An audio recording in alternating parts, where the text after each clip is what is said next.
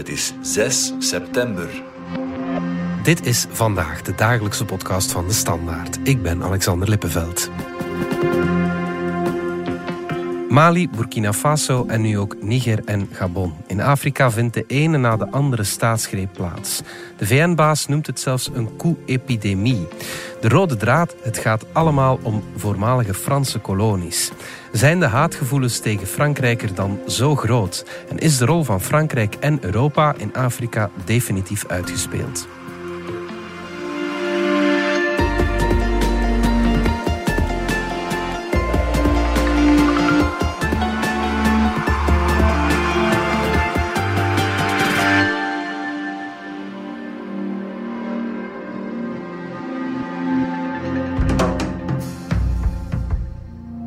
30 augustus grepen militairen in Gabon de macht en zetten de president Ali Bongo onder huisarrest. Au nom du peuple gabonais, toutes les institutions de la République sont dissoutes. Gabon was daarmee al het zevende Afrikaanse land waar sinds 2020 een coup is gepleegd. Er was Mali. Avons décidé de prendre nos responsabilités devant le peuple et devant l'histoire d'assurer la continuité de l'État et des services publics. Nous voudrions rassurer l'opinion que les membres du Conseil militaire de transition vont rendre le pouvoir à un gouvernement civil. Guinée. Nous avons décidé de dissoudre la constitution en vigueur. Nous avons décidé aussi de dissoudre le gouvernement. Soudan. Et de dissoudre le gouvernement et le Conseil de souveraineté. Burkina Faso. décidé de mettre fin au pouvoir de M. Rochmar Christian Caboret. En vorige maand nog Niger. avons décidé de mettre fin au régime que vous connaissez. Koen Vidal, chef van onze buitenlandredactie. Dat is een eh, indrukwekkend lijstje. Het lijkt wel alsof eh, in Afrika een handboek eh, Hoe pleeg ik een staatsgreep rondgaat. Vertel. Ja, dat klopt. Er wordt inderdaad over een uh, epidemie gesproken. Het ene land infecteert het andere. En zeker wat betreft het draaiboek van zo'n staatsgreep is dat het geval. Nu, het recept is meestal vrij simpel. Het is een groep uh, hooggeplaatste militairen die het gebouw van de televisie bezetten, die de president onder huisarrest plaatsen en die aan de bevolking aankondigen van kijk, in het belang van het land zijn wij nu aan de macht. Uh, goedemorgen. En je ziet ook weinig verzet in de landen zelf. Integendeel, je ziet vrij snel, al dan niet georchestreerd, mensen op straat komen die de koe toejuichen.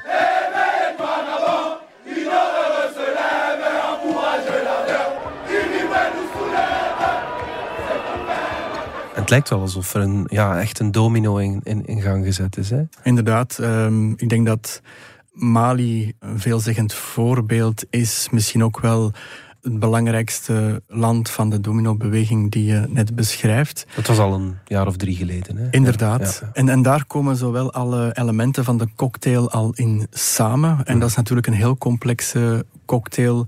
Het heeft voor een belangrijk deel te maken met een toenemende allergie voor Frankrijk. Maar het heeft ook te maken met gejen en invloed van Rusland en Wagner. Ja. Heel veel ingrediënten die ervoor hebben gezorgd dat die cocktails ontploft zijn. Ja, die uh, lichten we straks uit. Steunen die koeplegers elkaar dan ook? Ja, sommigen wel. Bijvoorbeeld uh, Mali, Burkina Faso, Niger. Daar zie je de jets van de nieuwe heersers over en weer vliegen. Je ziet samenwerkingsverbanden ontstaan, vaak ook aangemoedigd door Russen en Wagner.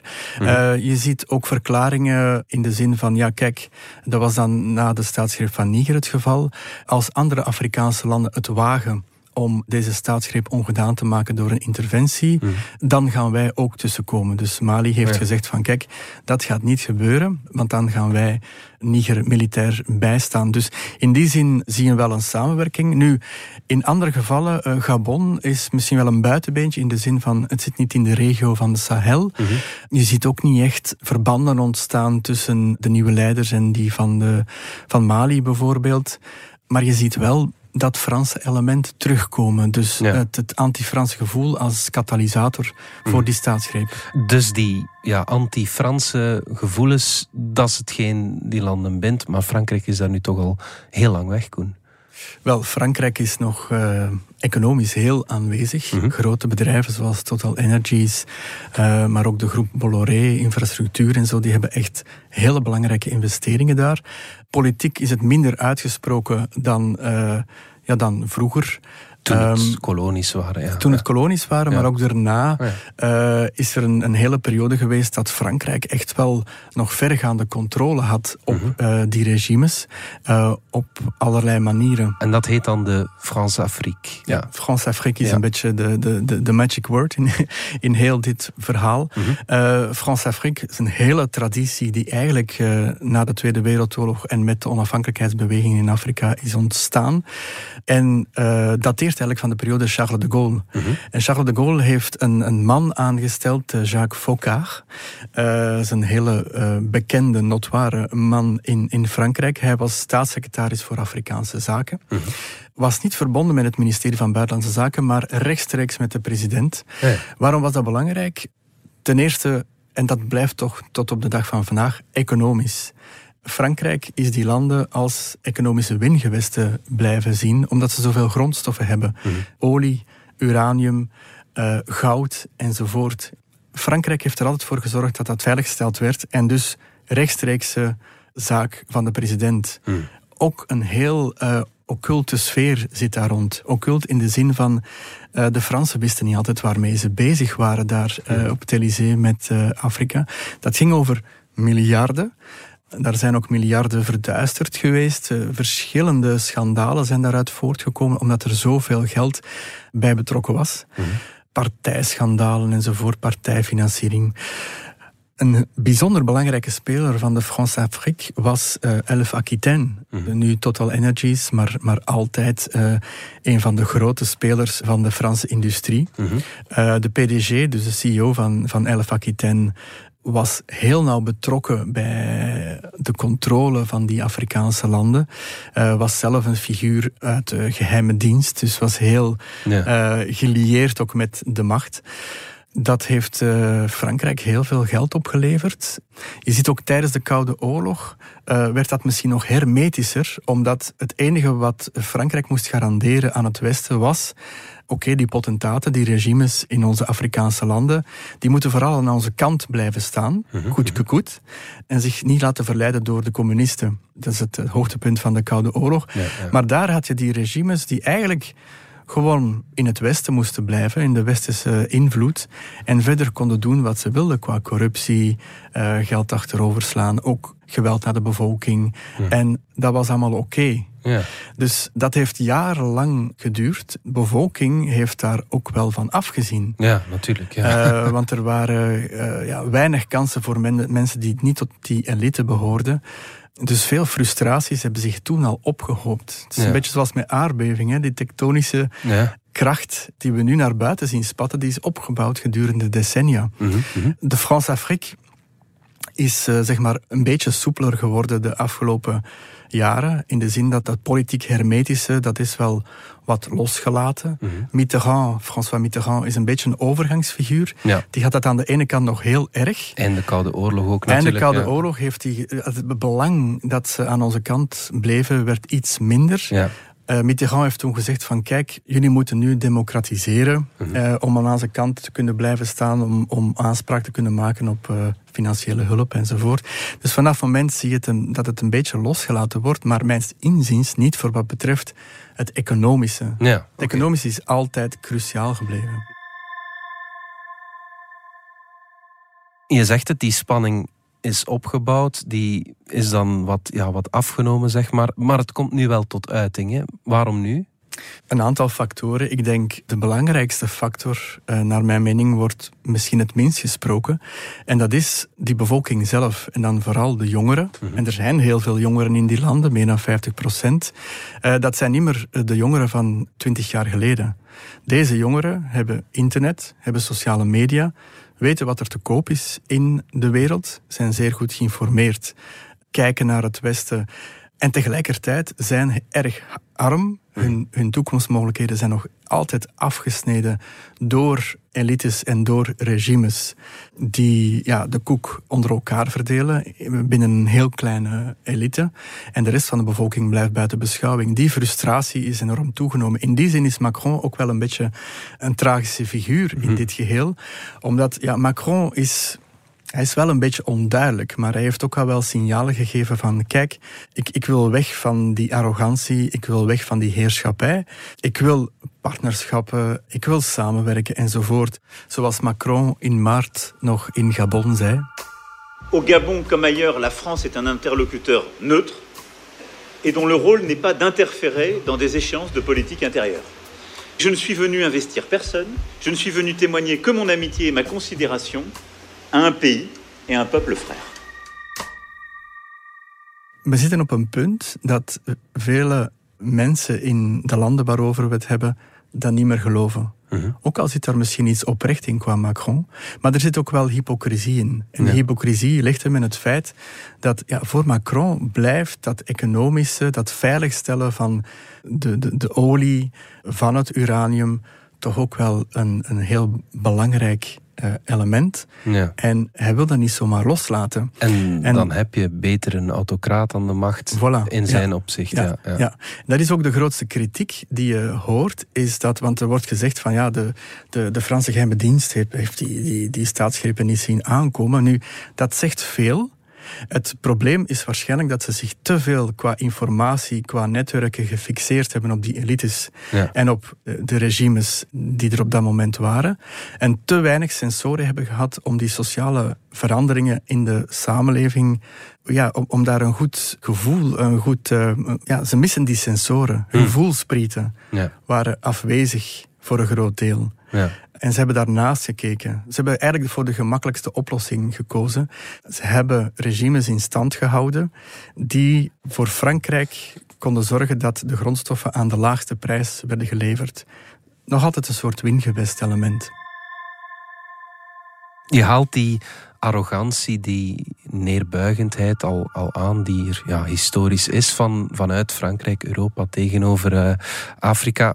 Misschien is Macron daar niet de beste persoon voor om, uh, om te stoppen met die arrogantie. Want hij straalt dat toch uit, hè? Ja, het is ook een, um, zeg maar een persoonlijkheidstrek die hem uh, in de Franse politiek verweten wordt. Maar hier kun je ook wel spreken van echt een politieke fout. Hè? Want als je aan de ene kant aankondigt van ja, ik wil partnerschappen, ik wil op uh, hetzelfde niveau met jullie praten, maar tegelijkertijd zegt van uh, ja, zonder Frankrijk hadden jullie landen niet meer bestaan of niet meer rechtgestaan. Si la France n'était pas intervenue, si nos militaires n'étaient pas tombés au champ d'honneur en Afrique, nous ne parlerions pas aujourd'hui ni de Mali, ni de Burkina Faso, ni de Niger. Ces États n'existeraient plus aujourd'hui dans leurs limites territoriales. Dat, dat klinkt wel extreem arrogant en dat spreekt elkaar ook tegen. En ja, dat heeft bijgedragen aan de explosiviteit van de situatie, dat kun je zeker zeggen. Ja, mogen we zeggen dat de rol van Frankrijk in de Sahel en in uitbreiding in heel Afrika uitgespeeld is? Ja, dat zou best kunnen. Mhm. De beweging die is ingezet eh, met die staatsgrepen, er is misschien nog geen, ook nog geen einde aangekomen. De Fransen vrezen voor uh, wat gebeurt er in Cameroen op afstand lijkt er een stabiel land, maar het is helemaal niet zo stabiel als het, als het lijkt. Er zit veel politieke spanning ook en op. En ook die anti-Franse gevoelens zijn daar reëel. Mhm. het, het mechanisme is ongeveer hetzelfde. Ook daar zijn de grondstoffen en de, de belangen in havens enzovoort uh, cruciaal voor de, de Fransen. En uh, dat verklaart waarom ze er uh, nog zijn. Een ander land waarvoor men in Frankrijk vreest is Congo-Brazzaville. Mm Belangrijk ook weer voor de, de, de olie. Dus aan de domino is misschien nog geen eind gekomen. Ik denk niet dat die anti-Franse gevoelens snel zullen gaan liggen.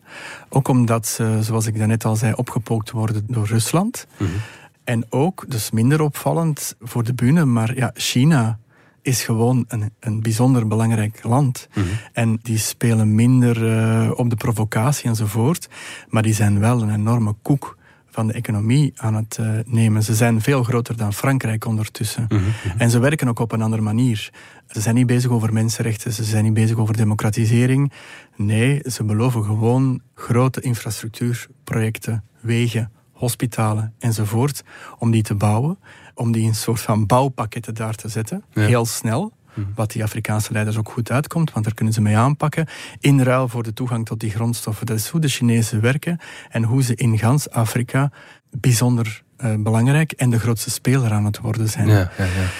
Is de rol van Frankrijk daarmee uitgespeeld? Ja, we zullen zien, maar hij zal toch wel kleiner worden. En hij was al fel aan het verkleinen. Mm -hmm. Het aandeel in de internationale handel met de Sahellanden was op een bepaald moment 10% en hoger. Nu wordt dat geschat op 5% en het zal dus nog afnemen. Mm. Dus ja, dat is aan het verdwijnen. En misschien uh, zit het ook wel bij Frankrijk uh, dat uh, dat lijkt nu allemaal heel pijnlijk te zijn en, en, en, ze hebben daar moeite mee. Tegelijkertijd is Frankrijk zich ook al een hele tijd aan het heroriënteren. Mm -hmm. Dat is een beetje zoals België ook. Ja. Congo was op een bepaald moment bijzonder belangrijk en dat is allemaal heel pijnlijk geweest enzovoort. Maar nu, België is gefocust voor het grootste deel van de, onze politieke energie gaat naar de Europese Unie. Ja, voor Frankrijk is dat niet anders. Mm -hmm. En misschien is dat goed dat Frankrijk niet meer de grote speler is, maar misschien wel de Europese Unie. Ja, ja. En daar ligt misschien een nieuw verhaal te schrijven. Ja. In de zin van, ja, ga je nog altijd focussen op die grondstoffen en trap je in de val van het verleden? Of probeer je toch iets nieuws in Afrika uit te bouwen met een andere visie, met toekomstvisie, met aandacht voor klimaat en vooral met aandacht voor de kwaliteit die er binnen die bevolking is en die niet aangesproken wordt. Ja. Dat is eigenlijk het grootste probleem. Maar dan moeten we wel opboksen tegen de wapens van Rusland en de wegen zeg maar, van, van, van China. Dat is niet eenvoudig. Dat zal niet eenvoudig zijn en op korte termijn zal dat bijzonder moeilijk zijn. Mhm. Maar het verhaal van Rusland is ook niet zo'n duurzaam verhaal. Mhm. uh, dat is nu al aan het afbrokkelen, omdat het vooral gestuurd werd door Wagner. Mm uh, het huurlingenleger. Nu, wat gaat daarmee gebeuren? Toen dit verhaal begon, ja. was Wagner een dependance van het Russische leger, ook qua wapenleveringen enzovoort. Ja, dat is nu weggeknipt. Prigozhin is dood, wat gaat er met Wagner gebeuren? Ja. Dus het Russisch verhaal is niet zo duurzaam. Is dat van de Chinezen duurzaam? Dat valt ook nog te bekijken, omdat het ook wel neerkomt op hetzelfde. Uh, het, blijft, het blijft een soort grondstoffenroof. Ja. Gaan veel Afrikanen daar op lange termijn uh, gelukkig mee zijn? Vanaf het moment dat ze weten dat het heil ook niet van de Chinezen komt, komt daar ook wel spanning op. In bepaalde landen is er al spanning. Je zag bijvoorbeeld dat in het geval van een economische crisis, dat die Chinese bedrijven gewoon van de ene dag op de andere vertrokken uit hmm. die landen. Ja, okay. En als de economie weer aanzwengelde, kwamen ze weer terug.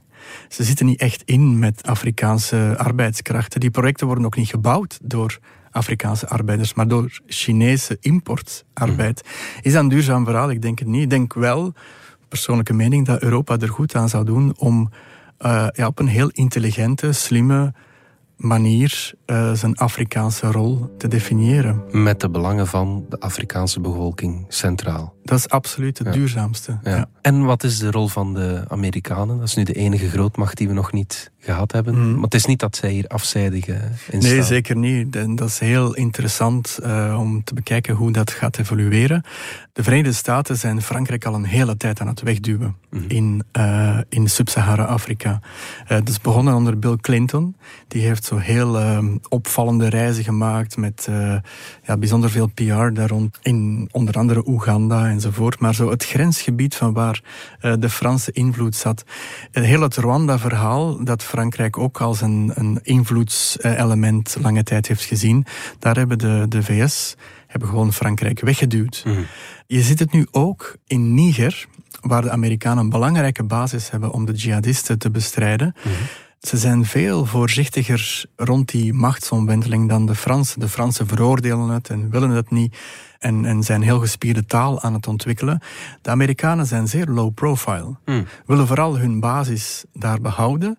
En met die militaire basis komt ook wel behoorlijk wat invloed mee die ze in de toekomst kunnen uitspelen. Hun strijd tegen de jihadisten is redelijk succesvol. Niger is het enige land waar de jihadisten niet, uh, geen opgang hebben gekend. Dus ja, de VS zien ook wel een toekomst in uh, Sub-Sahara-Afrika maar spelen het low-key, hmm. voorzichtig en op de lange termijn. Ja. Tot slot, Koen, kan het ooit tot een volwaardig partnerschap komen waarbij iedereen wel bij vaart? De, de vraag is, uh, dat is misschien confronterend voor ons, of wij dat willen. Mm Want dat betekent, eerlijk partnerschap betekent uh, niet alleen dat we op een volwassen manier met elkaar politiek praten, maar dat we ook een eerlijk economisch partnerschap aangaan en dat we dus een, onze handel op een andere manier gaan voeren. Mm -hmm. Wat er ook neerkomt dat uh, nog China, nog Rusland, nog Frankrijk, nog Europa kan volhouden dat we die grondstoffen aan de laagste prijs uit die landen blijven sleuren. Mm -hmm. En dat wij er dan dure afgewerkte producten van maken. Ja. Daar zit een, een belangrijke knop uh, die opgelost moet worden. En de vraag is au fond of daar uh, de politieke wil voor is. Natuurlijk, om dat niet te doen, dat heeft een prijs. Uh, dat zorgt voor instabiliteit. Dat zorgt bijvoorbeeld in België voor Brussels Airlines voor heel veel problemen, want die hebben in al die landen belangrijke belangen. Mm -hmm. uh, dat lijkt klein, maar voor ons is dat belangrijk. Dus wij willen dan wel die stabiliteit. Dat heeft een voordeel. Dus aan die eerlijke handel zitten niet alleen nadelen, zeg maar een hogere prijs van onze producten, maar ook wel voordelen. -hmm. We hebben nog niet gehad over uh, migratie. Dat lijkt dan heel ver van dit probleem verwijderd, maar dat is het eigenlijk niet. Nee, ja. Als je onze reportage van op het reddingsschip bekijkt van Casper Goedhals ja. en je ziet wie komt daar aan boord, daar zitten steeds meer Malinezen en mensen uit Burkina Faso aan boord. Dus dat is met elkaar verbonden. -hmm. Dat is ook wel belangrijk dat we dat zien als voordeel. Als we volwassen omgaan met die landen, gaan we op termijn ook wel een oplossing bieden voor dat probleem. Of een begin van de oplossing. Ja, Koen Vidal, dankjewel. Graag gedaan. Dit was vandaag de dagelijkse podcast van De Standaard. Bedankt voor het luisteren. Volg ons op Spotify, Apple Podcast of eender welk ander podcastplatform. In onze gratis FDS podcast kan je niet alleen ons werk beluisteren, maar ook de beste podcasttips terugvinden. Alle credits van de podcast die je net hoorde vind je op standaard.be-podcast. Reageren kan via podcast.standaard.be.